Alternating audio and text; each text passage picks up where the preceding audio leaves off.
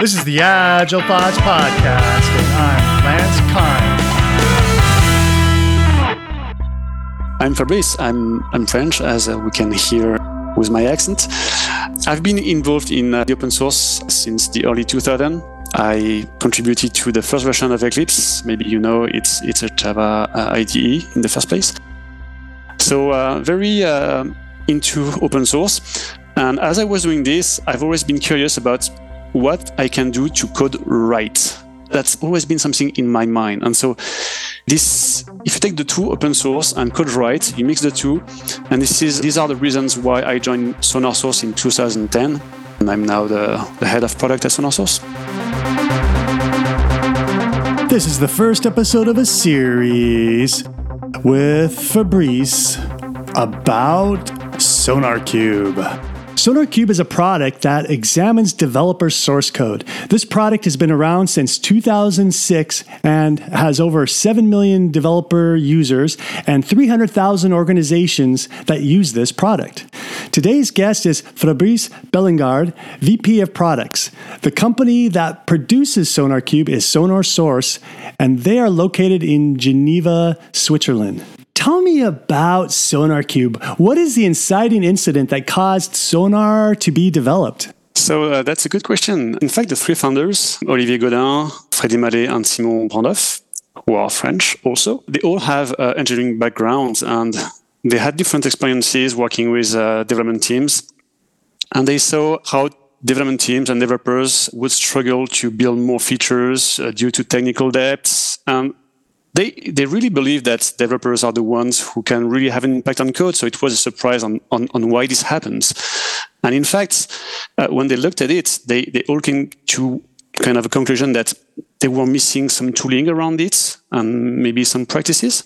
And so that's how SonarQube got born to uh, develop this first in the open source to make it accessible to uh, a lot of developers and actually, that's where the first mission of the company started. It was to uh, democratize access to code quality tools. The situation when they wanted to create tools for developers, were those people at within their own company or were they consultants or, or how, how did that how did they get funding to build their own first tool? I think that's Freddy and uh, Simon. They were in a consulting company, and so uh, they would do some missions as part of you know between two missions. They could work on some uh, some open source projects or whatever kind of projects. And I think that's how it's it's it started.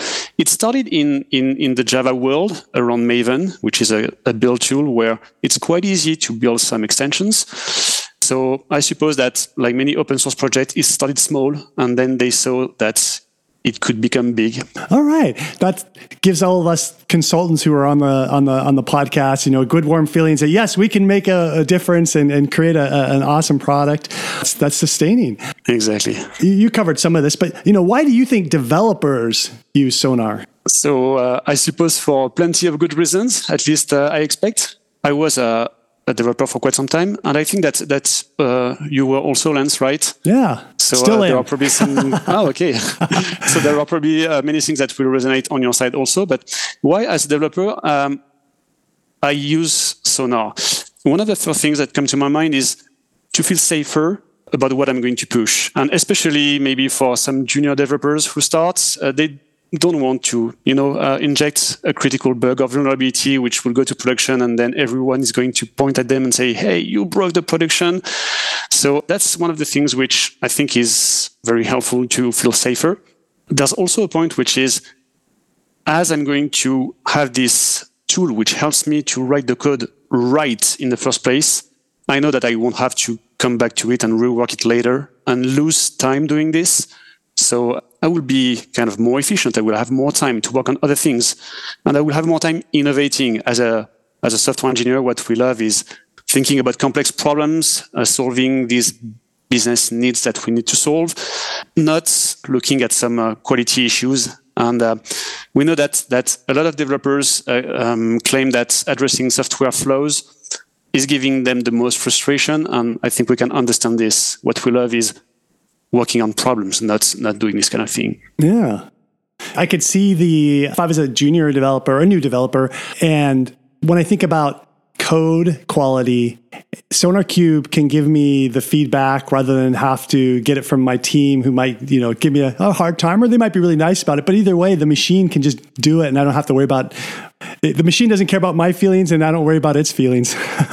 That's exactly true. And as part of, of, of Sonar, we have something which is we give the feedback on pull requests as part of the code review. And pull requests is where human review happens.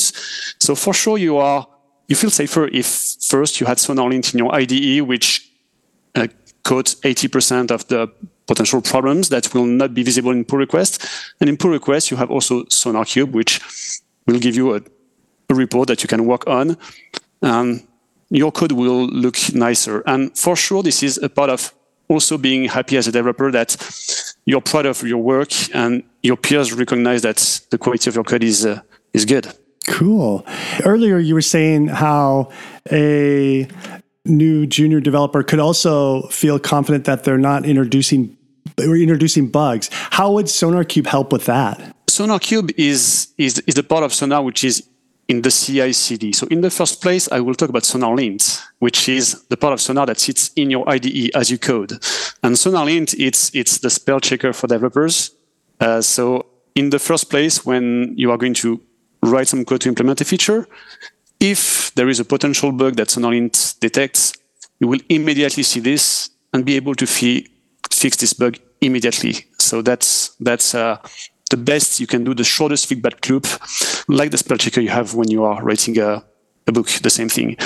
SonarQube will arrive in the CI/CD to catch some more complex bugs that we can't detect in the IDE because it would require too much processing, etc. So here too, we can find some things like null pointer exceptions or this kind of thing, which can be cross-file, very complex to uh, detect. And once you see this, you will get some educative content that SonarQube provides you to understand why this is an issue, how you can fix it with some example of code snippets, and so that you can very quickly go back to your code. Hopefully, it's still fresh in your mind, so you know what you were doing. Right. You fix it, and almost nobody will know that this potential bug ever existed. No, that's a good point. I like how you brought in the the feedback loop is shorter, so that saves developers a lot of time. So the developers if they're getting feedback from people, then they have to set up a meeting and it's probably going to take time will pass before they have the meeting. Then they get the feedback, then they got to go back to the code that they worked on last week and then adjust it. But here you get feedback from the machine really quick. What is the product I'm, I'm talking about? Is it Sonar, SonarQube, or, and I hear you saying SonarLint? SonarQube, it's the original product, and that's the the part of Sonar, the solution Sonar, that sits in the CI/CD. So if you think about it, what we do is we enable organizations to achieve the state of clean code for for themselves, for their teams, for the, for the developers. And Sonar is a solution for this. And Sonar sits in the IDE it's called SonarLint, and it sits in the CI/CD, and it's called SonarQube for on-premise or SonarCloud for the SaaS offering. So SonarQube is the short name, I guess. All right. Eh, for the part that's in the CI/CD pipeline. Okay, and that's usually the part that I deal with. All right. I think it used in to fact, be called. The, yeah. yeah. in the beginning, it was called Sonar. Ah, yeah. The very first name of the open source project was called Sonar. And then we had to change it because a company had a, a product name which was similar, doing a bit the same thing. So we had to change it to SonarQube, ah. uh, which was uh, a bit painful at this point in time uh, to change the name, but but we did. And then we we introduced SonarLint in the IDE. Ah. So we used the, the the Sonar part to to kind of start having a brand around this. Then we introduced SonarCloud. Ah. And with the three products, about two years ago, we said, yeah, there's something on top of this, which is the solution, which includes the three products. And this solution should be named Sonar. That's, that's obvious. SonarLint in the IDE, Sonar Cloud Cube in the CI/CD, and that's how now Sonar emerged, kind of. Ah, uh-huh. And, and, today that's our brand because Sonar, Cube, Lint, and Cloud are so widespread that it's it's it's perfectly fine for us to to use Sonar as a brand. Okay. And that's uh, the umbrella uh, for uh, for our brand.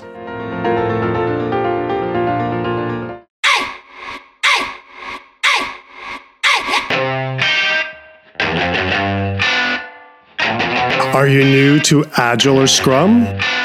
Looking for a fun way to pick up the knowledge to become an Agile team? Go get the novel Agile Noir.